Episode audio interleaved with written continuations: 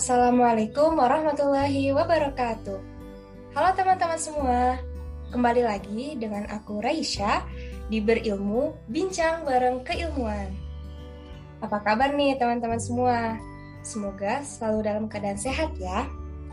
Akhirnya kita bisa berjumpa lagi nih via suara di Berilmu segmen 2. Nah, seperti podcast berilmu kemarin, aku di sini gak sendirian dong Aku ditemenin sama teman aku nih. Ada Kak Abi yuk di sini. Halo Kak Abi, Assalamualaikum. Waalaikumsalam warahmatullahi wabarakatuh. Halo Resya, halo teman-teman semua. Kenalkan ya, nama aku Muhammad Abi Akmal. Di sini aku bakal menemani Resya nih di berilmu segmen kedua. Oke, Kak Abi gimana nih kabarnya Kak? Alhamdulillah, sehat Ray, sehat-sehat Alhamdulillah. Alhamdulillah, semoga lagi kegiatan apa aja nih Kak untuk akhir-akhir ini? Kegiatan ya, kegiatan sih biasa lah ya kalau aku mah ya nggak jauh-jauh dari ngerjain tugas juga. Itu, itu aja sih, apalagi sekarang juga lagi pekan-pekannya UAS juga kan buat teman-teman iya, di FKM semua. Ya semoga segala kegiatannya selalu diberikan kelancaran ya kak. Amin, amin, amin. Oke, okay. uh, eh, untuk berilmu segmen dua kali ini temanya sedikit beda sama berilmu segmen kemarin nih. Wih, emang temanya apa tuh, Ray? Temanya ini ini tuh tema yang banyak banget di request sama teman-teman semua loh, Kak. Banyak banget yang request, Kak, request ini buat berilmu segmen 2. Nah, tema kayaknya pada penasaran banget ya, Ray, kayaknya ya. Iya, kayaknya udah banyak banget yang minta, berarti bakal excited banget nih dengarnya. Bener banget. Oke, aku spill aja nih. Tema untuk berilmu segmen 2 kali ini adalah Great Ways to Get Scholarship. Jadi di sini kita bakal bahas atau sharing-sharing mengenai tips and trick untuk mendapatkan beasiswa. Kita juga udah ngundang narasumber yang apa ya udah berkom yang udah dapat beasiswa juga dan pastinya udah punya banyak pengalaman nih kak. Nah, uh, Oke, biar teman-teman gak penasaran lagi, kita langsung spill aja kali ya nama pembicara kita di Berilmu Great Ways to Get Scholarship kali ini. Untuk narasumber kita pada kali ini, ada Kak Febri Wulandari dari S1 Reguler Kesehatan Masyarakat FKM UI 2018. Nah, Kak Febri ini adalah penerima beasiswa Rumah Kepemimpinan Angkatan 10 Selain itu, Kak Febri juga aktif loh di beberapa kegiatan lain, yaitu sebagai koordinator bidang sosial politik BEM, BEM IM UI 2021 dan juga semifinalis pemilihan mahasiswa berprestasi FKM UI 2021. Keren banget kan ya Kak Abi cara sumber kita pada hari ini? Ih, mantep banget, jadi nggak sabar nih pasti dan pasti teman-teman juga udah pada nggak sabar kan? Nah kalau gitu langsung aja nih kita panggil Kak Febri untuk gabung sini. Halo Kak Febri assalamualaikum. Waalaikumsalam. Halo Raisya. Halo Abi halo Kak. Gimana Kak Febri kabarnya Kak? Alhamdulillah baik. Hmm. Kak Febri lagi apa nih Kak kesibukannya akhir-akhir ini? Akhir-akhir ini sama kayak teman-teman yang lain mungkin ya sibuk uas terus juga sambil organisasi juga. Itu aja sih kesehariannya oke iya sih lagi persiapan uas juga ya kak ya. Iya benar. Oke mungkin bisa aku langsung mulai ke pertanyaan pertama. Tadi kan sudah sempat Raisya bahas juga disebut di awal kalau Kak Febri ini adalah penerima beasiswa rumah kepemimpinan. Nah mungkin Kak Febri bisa nih cerita-cerita dulu ke teman-teman semua yang lagi dengerin uh, terkait pengalamannya mengikuti pendaftaran beasiswa. Apa aja sih beasiswa yang pernah Kak Febri terima ataupun yang sedang Kak Febri jalani sekarang? Oke, terima kasih Raisya. Jadi kalau bicara soal beasiswa ya, dari semester 1 atau 2 gitu aku udah suka apply beberapa beasiswa. Contohnya itu kayak beasiswa uh, Posko Asia terus SAPTI, Pergola, KSE juga pernah. Tapi udah lulus gitu dari beberapa beasiswa yang udah apply itu belum diterima dan emang aku tuh nargetin dari awal jadi mahasiswa baru udah punya target gitu sih dapetin beasiswa tuh khususnya rumah kemungkinan gitu. Emang udah target dari awal dan kalau nggak dapat ya udah aku nanti bakalan daftar di rumah kemungkinan oh jadi sebelum akhirnya keterima di rumah kepemimpinan ini udah banyak pengalaman-pengalaman di pendaftaran beasiswa lain ya kak ya iya bener banget Raisya oke nah ngomong-ngomong akhirnya kan sekarang Kak Febri uh, keterima nih lagi menjalani beasiswa rumah kepemimpinan dan tadi Kak Febri juga sempat cerita dari awal udah menargetkan untuk daftar di beasiswa rumah kepemimpinan. Kalau boleh tahu nih Kak, uh, akhirnya kenapa sih kakak ini memutuskan untuk mendaftar di beasiswa rumah kepemimpinan ini? Ya, jadi kalau yang aku tahu dari beberapa sumber, dari orang-orang yang udah pernah dapat beasiswa rumah kepemimpinan ini, atau aku singkat beasiswa RK aja kali ya biar gampang. nah, jadi RK tuh nggak cuma ngasih bantuan secara finansial seperti pada umumnya beasiswa lain, tapi RK ini juga kasih pembinaan. Kalau misalnya offline tuh dia ngasih asrama gitu, asramanya ada di Lenteng Agung. Jadi selama di asrama kita ada pembinaan rutin selama 2 tahun dan pembinaannya tuh mulai dari hari Senin sampai Sabtu ya mulai dari kita bangun tidur sampai tidur lagi tuh kita dapat pembinaan secara spiritual, secara akademik dan juga secara sosial.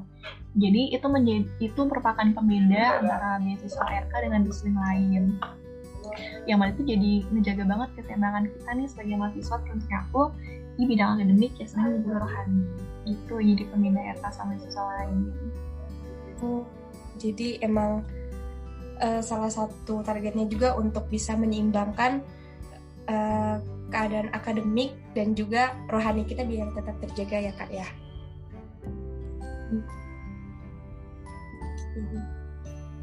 Iya benar banget Raisya.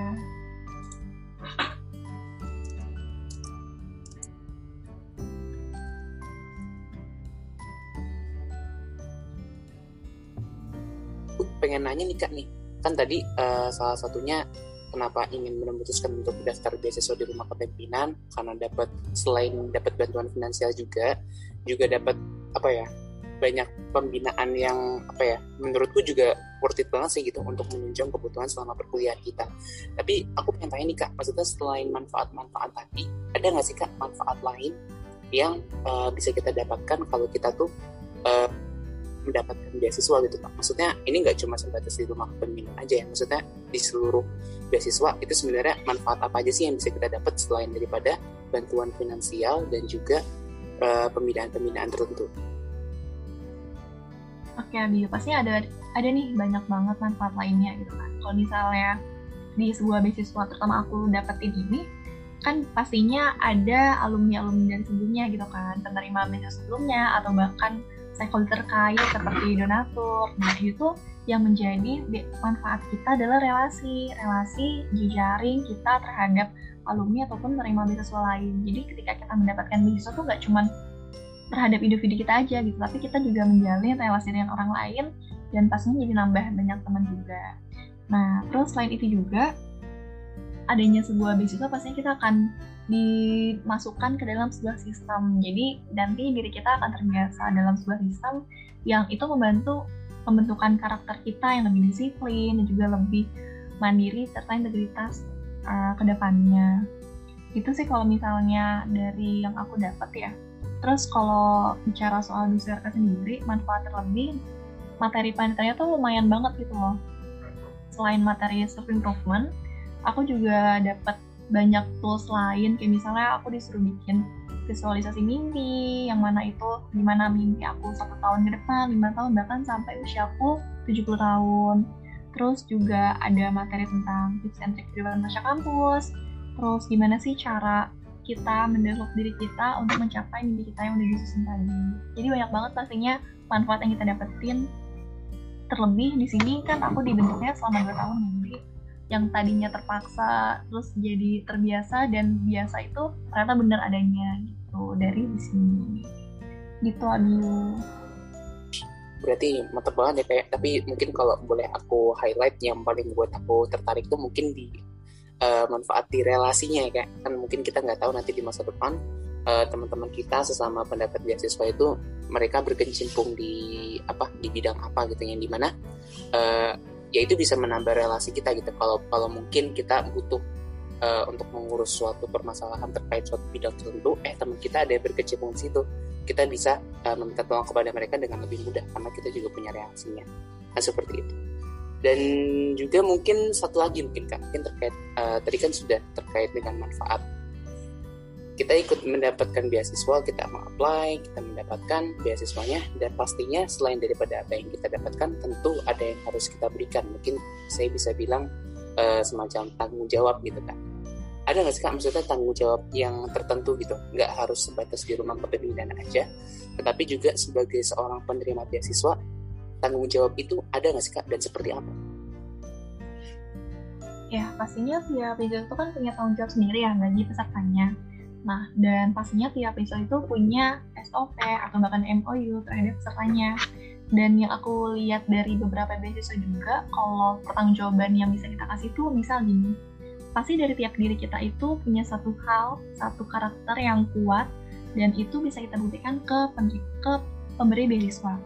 Ada beasiswa yang fokus terhadap uh, pengembangan karakter diri itu di sebuah organisasi. Maka tanggung jawabnya adalah gimana cara dia membawa diri dia itu menjadi seorang yang bagus di sebuah organisasi. Kayak misalnya petinggi-petinggi organisasi gitu.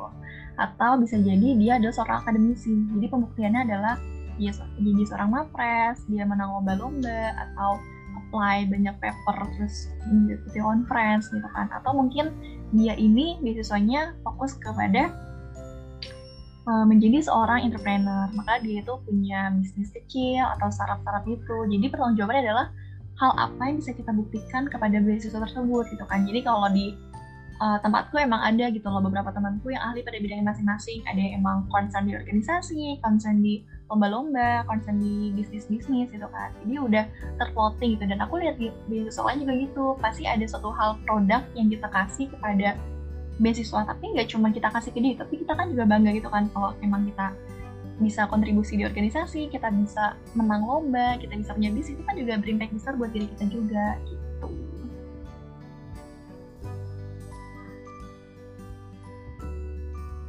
Gitu yang bisa kita berikan kepada beasiswanya gitu. Yang juga yang nggak cuma diberikan aja tetapi emang juga insya Allah bakal uh, berguna juga gitu kepada kitanya. Akan benefit ke kitanya kayak seperti itu ya Iya, betul banget Adi. Betul banget ya. Iya, betul banget tadi udah uh, Kak Febri jelasin ke teman-teman semua, udah sharing tentang manfaat, tentang tanggung jawab yang uh, uh, pasti banyak banget yang bisa kita ambil pelajarannya. Oh ya Kak Febri, aku ada satu pertanyaan nih tentang aku meminta pendapat atau tanggapan dari Kak Febri mengenai uh, kesalahpahaman atau mispersepsi dari kebanyakan orang tentang beasiswa. Karena mungkin masih banyak orang yang beranggapan atau kadang aku sendiri pun masih mikir gitu kan, kadang uh, maju mundur gitu mau daftar beasiswa. Kayak dengan alasan aku nggak pin aku kurang pinter secara akademik. Jadi masih pada beranggapan tuh orang yang bisa ikut beasiswa itu yang memiliki prestasi akademik lebih gitu. Nah kalau menurut Kak Febri sendiri apa sih tanggapan-tanggapan Kak Febri mengenai mispersepsi seperti ini? Oke, aku juga sering denger sih kalau yang bisa dapetin beasiswa tuh yang pinter banget gitu kan. Nah, tapi honest aku juga nggak yang pinter banget gitu ya di kelas atau bahkan di kampus. Jadi nggak ya udah ngerasa biasa aja gitu kan. Cuman balik lagi ke beasiswanya gitu loh. Dia tuh butuh anak yang kayak gimana sih gitu kan. Cuman kalau aku lihat mostly para pemberi beasiswa tuh nggak cari yang pinter banget gitu loh atau yang IPK-nya harus 4 gitu kan. Ya kan jarang gitu.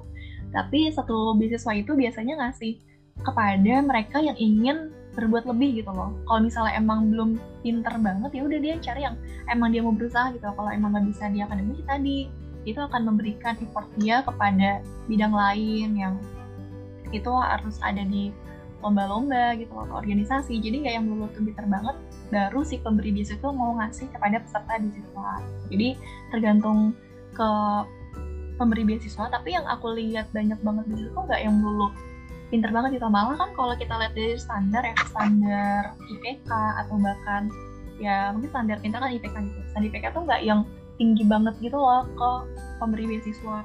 Eh sorry ke penerima beasiswa. Tapi dilihat tuh gimana sih karakteristik dari penerima beasiswa kita nantinya itu emang yang mempunyai karakter tuh unik daripada yang lain. Pasti ada satu hal yang ditonjolin dari si penerima beasiswa itu. Nggak harus yang pinter banget gitu loh. Bahkan ada temanku yang emang dia itu kan gak pinter-pinter banget gitu kan.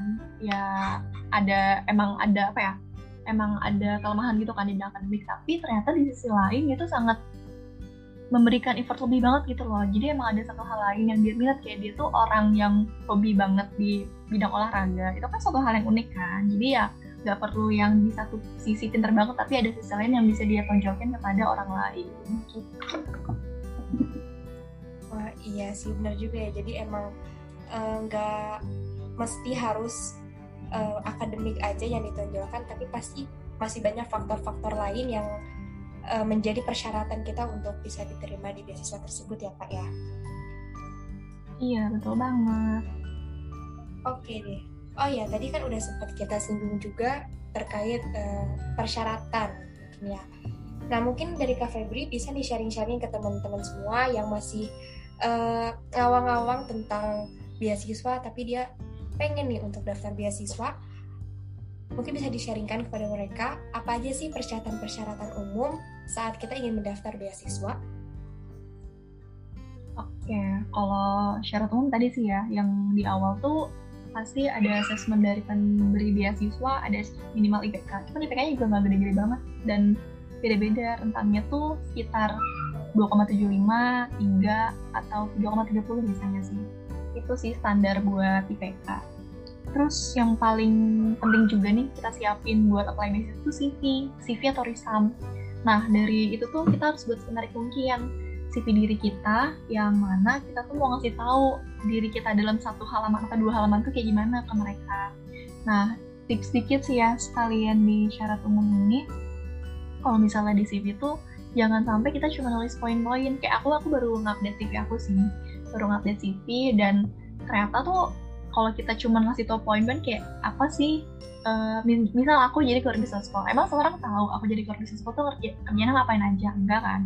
Jadi aku mendescribe secara singkat aku tuh ngapain aja sebagai bisnis school gitu. Terus uh, dulu aku juga sempat jadi cari prasat aku ngapain aja gitu. Jadi kita bisa memberikan uh, uraian singkat tentang dulu kita ngapain aja gitu. Itu yang jadi poin penting sih yang mana aku juga tahu dari teman-temanku terkait CV terus selain itu juga pastinya ada achievement-achievement yang udah kita dapetin untuk bekal gitu loh. Uh, gue mau daftar sih. Gue mau daftar di siswa ini punya ini ini loh gitu kayak pencapaian-pencapaian kita mulai dari lomba tadi atau bahkan kalau emang belum pernah ikut lomba tapi pernah ikut suatu kepanitiaan dan kita tuh lumayan powerful di kepanitiaan tersebut itu bisa juga ditulis dan uh, kita punya secara sertifikasinya gitu kan. Bisa juga dapat sertifikat dari kepanitiaan atau mungkin ke uh, apa namanya volunteer gitu kan. Volunteer juga itu lumayan nambah nilai jual diri kita. Intinya gimana cara orang lain tuh tahu bahwa kita tuh punya kontribusi lebih dan kita tuh punya kemauan yang lebih untuk mengambil diri kita maupun memberikan manfaat kita kepada orang lain. Intinya gitu sih kalau dibilang syarat umum ya untuk daftar beasiswa. Oke, wah makasih nih untuk Kak Febri yang udah sharing persyaratan-persyaratan umum untuk mendaftar beasiswa. Semoga bisa untuk teman-teman yang lagi dengerin uh, podcast ini nih, podcast berilmu segmen sekarang, bisa jadi mulai terbayang apa aja yang harus dipersiapkan, persyaratan-persyaratannya, dan yang pasti tadi ada satu yang paling penting itu CV yang telah kasih tips and triknya juga. Semoga bisa menjadi sumber informasi juga ya bagi teman-teman. Oke deh Kak Ebi, kan tadi kita sudah sempat ngobrol-ngobrol juga nih Kak, maksudnya terkait banyak hal ya, terkait uh, apa aja sih yang harus diberikan kepada beasiswa, manfaatnya itu apa aja, terus uh, persyaratan-persyaratannya dan segala macam. Tapi mungkin aku sekarang pengen tanya mewakili uh, teman-teman semua yang mungkin juga masih apa ya dalam tahap awal gitu ingin menjadi seorang scholarship hunter nih untuk menjadi seorang pemburu beasiswa terkait tahapan-tahapan seleksinya kan beasiswa itu pastinya ada tahapan seleksinya. Kan tidak serta merta yang daftar itu langsung diterima kan tidak seperti itu gitu. mungkin boleh di sharing-sharing mungkin kak pengalamannya mungkin terkait tahap seleksi beasiswanya kak? Oke boleh boleh.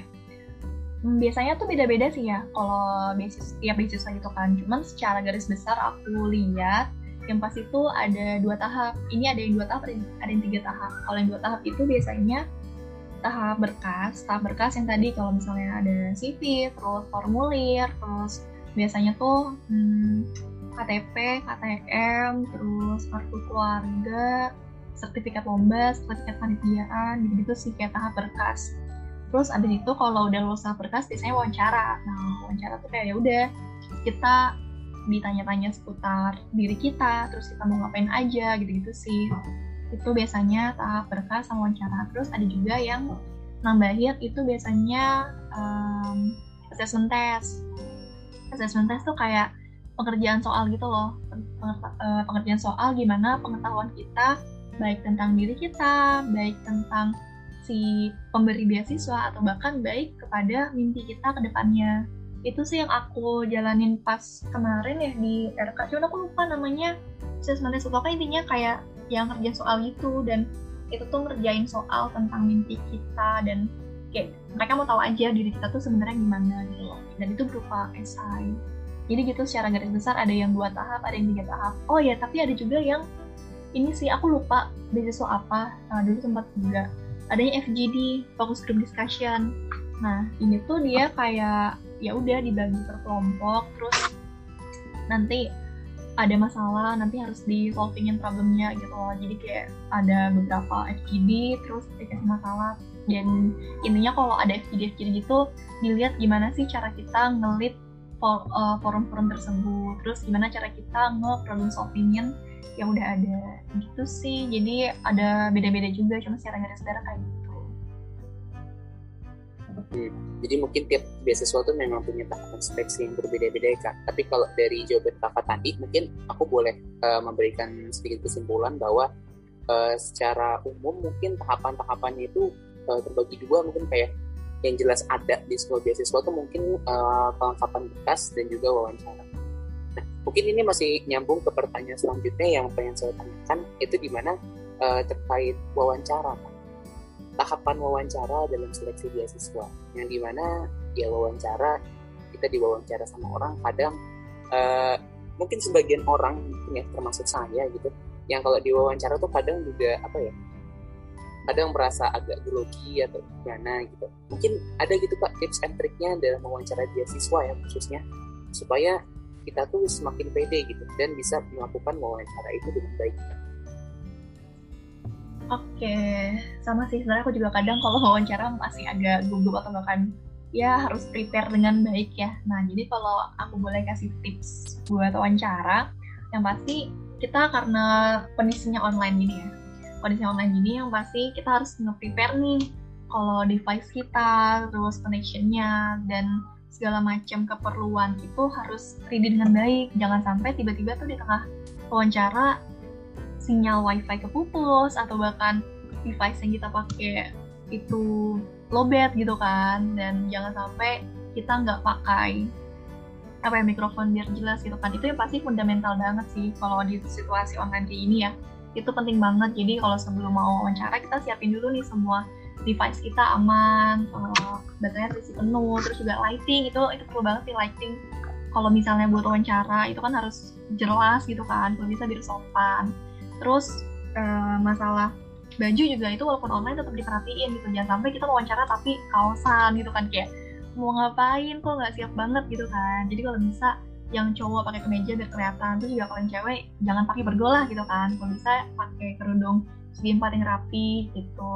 Terus kalau emang uh, dituntut untuk berhias diri ya seperlunya aja. Jangan sampai yang yang tebel-tebel banget lah make upnya gitu itu itu fundamentalnya. Terus kalau persiapan lebih lanjutnya kalau bisa tuh yang hal mendasar kayak makan itu tuh penting banget kan makan. Kita jangan sampai tiba-tiba lagi wawancara terus perut perut bunyi itu kan terus lapar. Dan tiba-tiba izin makan kan gak lucu gitu kan izin makan dulu kan lucu gitu iya. kan. Dan jadi kita tuh harus siapin makan dulu. Terus kalau minum itu minum sebenarnya uh, tentatif sih. Teman-teman boleh nyiapin minum di sebelah depan teman-teman. Jadi kayak emang kalau mau aus tuh minum izin di, depan wawancara itu nggak apa-apa. Cuma kalau emang mau hindarin ya udah sebelum wawancara minum dulu. Terus abis itu uh, ke toilet gitu kan ke toilet kalau emang nervousan aku aku tuh orang yang nervousan gitu kan jadi sebelum wawancara kan jadi aku dulu sempat ke toilet dulu. Itu yang basicnya. Terus lagi kalau udah mulai wawancaranya nih pas wawancaranya itu yang pasti kita harus percaya diri. Apa pun yang kita keluarin itu kita harus percaya diri. Jangan sampai kayak uh, uh, apa ya kak ya? Uh, kayaknya sih saya bisa gini gitu kan agak ragu-ragu gitu kan kayak lo mau dapetin beasiswa tapi kalau lo ragu ya gue juga ragu lah ngasih beasiswa gitu kan. Pasti kita harus percaya diri ketika jawaban kita A ya udah kita jelasin dengan A kalau jelas tegas. Dan itu selain percaya diri kita juga harus mempertanggungjawabkan apa yang kita omongin kan. Ya pasti kita nggak boleh bohong dong nah jangan sampai kita bilang bisa A B C D tapi ternyata kita nggak bisa sama semua hal yang kita omongin. Itu kan sama aja membohongin diri kita sendiri juga pihak pihak uh, beasiswanya kan. Jadi kalau bisa kita ngomong dengan tegas dan juga jujur. Karena semua semua omongan yang kita keluarin yang kita kasih tahu orang lain itu kan nantinya akan dipertanggungjawabkan. Kayak gitu. Terus hmm, udah sih. Dan kalau bisa emang jangan sampai maksain gitu loh. Misal dari beasiswanya itu nanya ke kita kamu bisa nggak sih uh, apa ya misal pertanyaannya tuh kamu bisa nggak kalau buat kalau misalnya uh, harus hidup di di Depok gitu kan tapi kamu lokasinya sekarang lagi di Jogja misalnya itu kan di luar kota itu kan. Nah itu kan suatu hal yang tentatif kayak misalnya kalau emang kitanya nggak bisa karena ada urusan orang tua yang emang kita nggak boleh ninggalin atau bahkan segala macam ya udah bilang aja nggak bisa kak. Saya di sini cuma bisa di rumah di Jogja gitu kan nggak bisa ke Depok misalnya. Ya udah kita jujur aja jangan sampai kita bilang bisa dan nantinya memaksakan jadinya gitu malah bentrok gitu loh pas udah dapat beasiswanya dengan segala macam prosedur yang ada tapi malah kita nggak bisa turutin. Jadi kalau bisa tuh ya udah jujur terus nggak boleh bohong dan gak maksain. Itu sih kalau tips dari aku pas wawancaranya Hmm, oke okay, oke okay, oke. Okay. Oke, terkait tips dan trik, tapi mungkin tadi uh, yang baru kakak kasih tahu tuh mungkin yang lebih ke wawancara di era pandemi ini kayak yang lebih hmm. dilakukan secara uh, online gitu. Tapi mungkin ada nggak sih kak tips tertentu juga kalau wawancaranya itu offline gitu kan?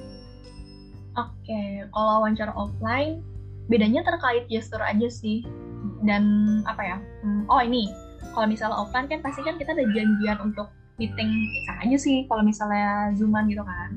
Itu tuh kalau tips dari aku baik itu online maupun offline harus ready 15 sampai 30 menit dari jam waktu yang udah ditentukan. Karena bisa jadi gini, kalau misalnya kita janjian sama mereka tuh jam 9 kadang tuh ada bisa jadi dimajuin atau dimundurin tapi tadi dari terus online dari sebelum dari online maupun offline terus online terus terkait gestur juga uh, ini sebenarnya lebih ke body language kalau misalnya kita ngobrol sama orang secara langsung ya pasti kan harus menjaga eye contact. Eye contact kita kepada mereka jangan sampai kita jawab pertanyaan tapi matanya ke atas ke bawah ke kanan ke kiri gitu kan. Atau orang lebih mikir. Itu kalau bisa dikurangin gitu loh. Jadi kita terlihat udah siap dengan baik. Itu mata kita ke sana. Terus terkait gerakan tangan itu hal teknis sih. Kalau gerakan tangan tuh ya kalau bisa nggak yang macem-macem apa ya maksudnya kadang emang butuh orang yang secara kinestetik tuh gerakin tangan untuk memperjelas omongan dia gitu kan kayak sekarang aku ngomong sambil gerakin tangan aku seolah-olah menirukan aku ngomong kayak gimana gitu kan. Itu it's better than kita menutup menutup apa sih namanya ya kayak kita menyelangkan tangan kita di depan kita tahu kan ya maksud tuh yang oh iya tahu kan tahu tahu, tahu, kan. Itu kayak kalau mau nantangin gue? Lo bukan mau diwawancara tapi kalau mau nantangin itu kayak itu itu kita kalau bisa dihindarin gitu sih. Dan udah sih paling itu aja kalau misalnya terkait offline dan menurut aku nggak nggak beda banget ketika online sih. Karena ya kalau misalnya online ya kita kan emang mempersiapkan diri kita cuma dari atas atas sampai pinggang nggak sih? Kadang tuh banyak banget yang iya benar banget. kan nah cuma kalau cuma separuh badan aja. Iya kan? Nah kalau offline ya udah sampai ke bawah-bawah tuh dirapihin dan hal kecil se seperti setrikaan gitu. Maksudnya setrikaan baju yang kita pakai itu juga kalau bisa dipersiapkan itu loh. Jangan sampai masa kita pakai baju yang agak lecek gitu loh. Atau bahkan sepatu yang bekas kemarin dipakai ke puncak apa namanya abis hiking gitu kan. Itu kan kayak ya tolong lah gitu kan. Hargain sesimpel ya, mungkin sampai detail mungkin tuh kalau bisa diperhatikan banget. Karena ya orang mau ngeliat kita kan dari first impressionnya gitu loh jangan sampai kesan pertama aja udah jelek nih terus ke depannya malah jelek lagi gitu sih kalau tips and trick yang beda offline gitu ya Oke deh, terima kasih banyak Kak atas jawabannya. Jadi buat teman-teman semua, insya Allah udah, udah tahu ya, mungkin secara umum apa aja sih yang harus dipersiapkan gitu dalam menghadapi wawancara beasiswa.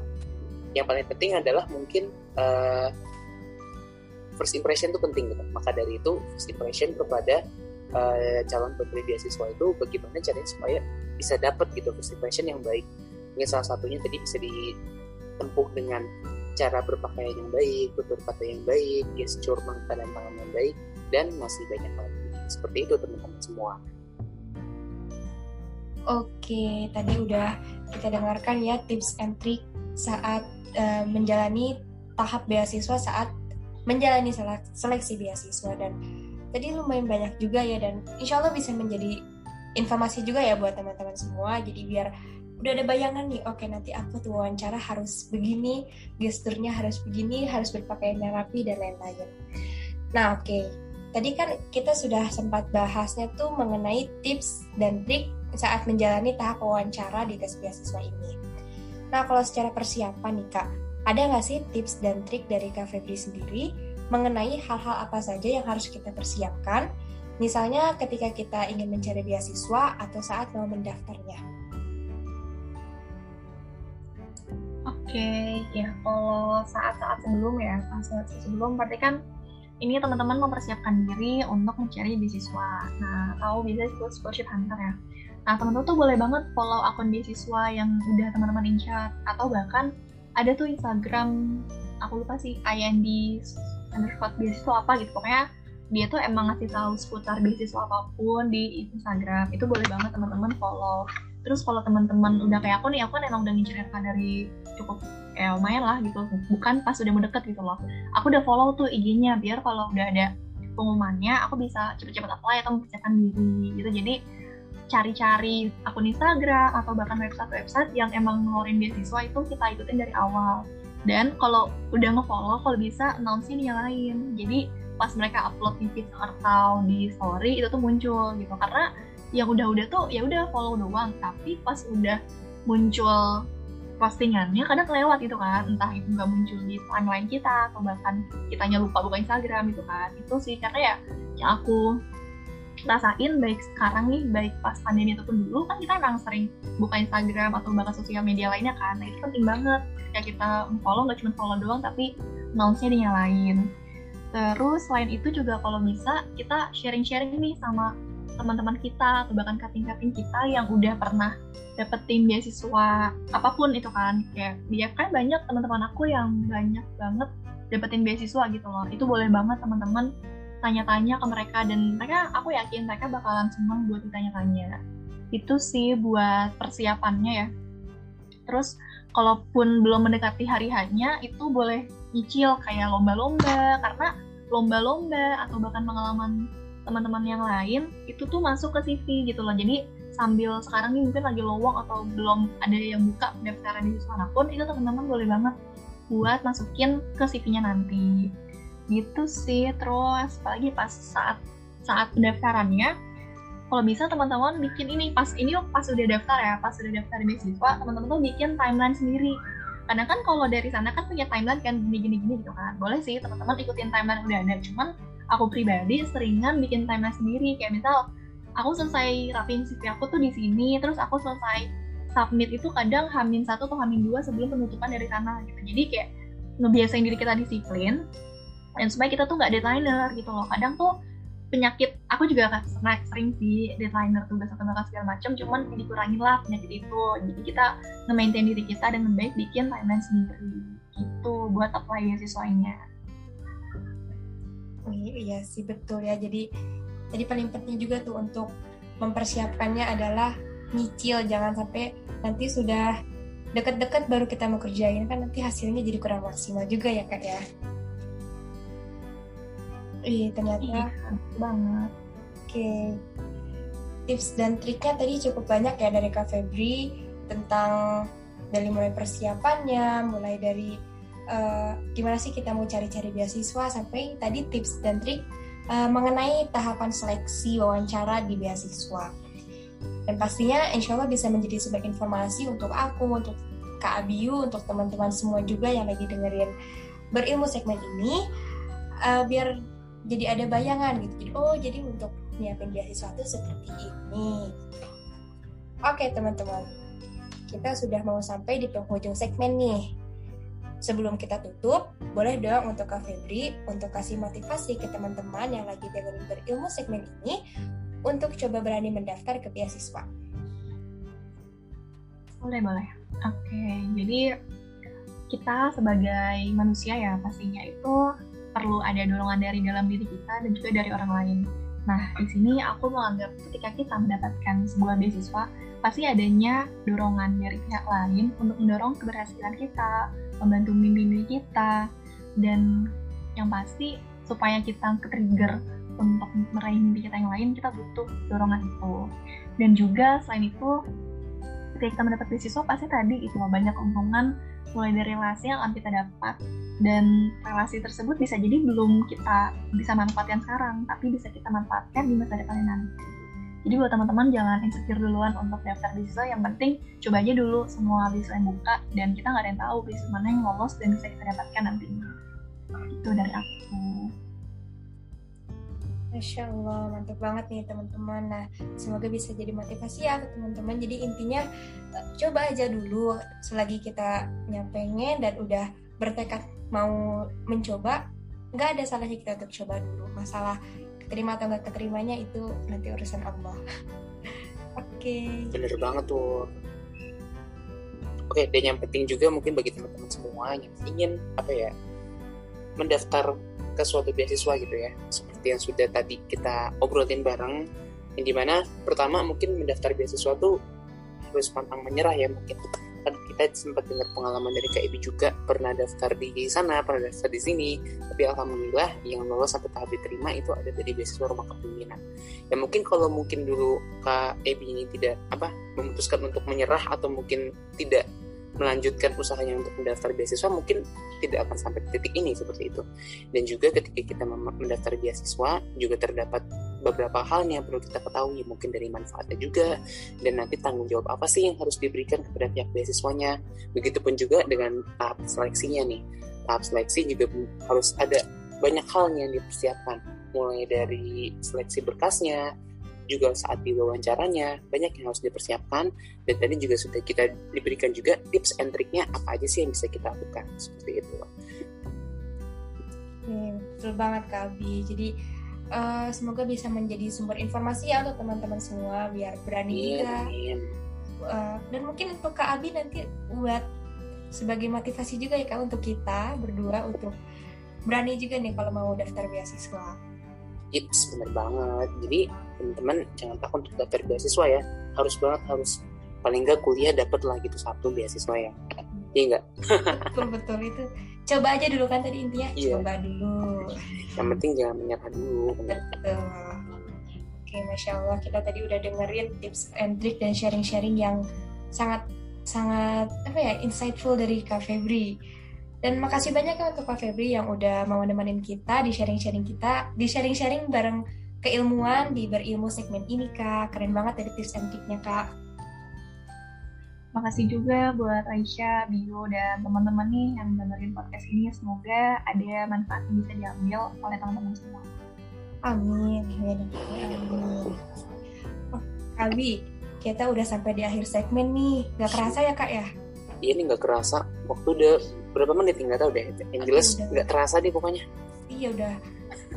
Kayaknya saking keenak. Nanti juga teman-teman pasti nggak kerasa nih. Wah tiba-tiba udah selesai gitu. Udah oh tiba-tiba udah dapat beasiswa ya amin nah untuk teman-teman juga terima kasih banyak ya yang sudah mendengarkan berilmu segmen 2 pada kali ini jangan lupa untuk di share juga ke teman-teman kalian agar sharing ini terutama tentang tips and trick beasiswa kali ini bisa tersebar lebih luas Oke, mungkin sekian berilmu segmen 2 tentang beasiswa hari ini. Uh, Sampai bertemu lagi di segmen berilmu berikutnya. Terima kasih. Wassalamualaikum warahmatullahi wabarakatuh.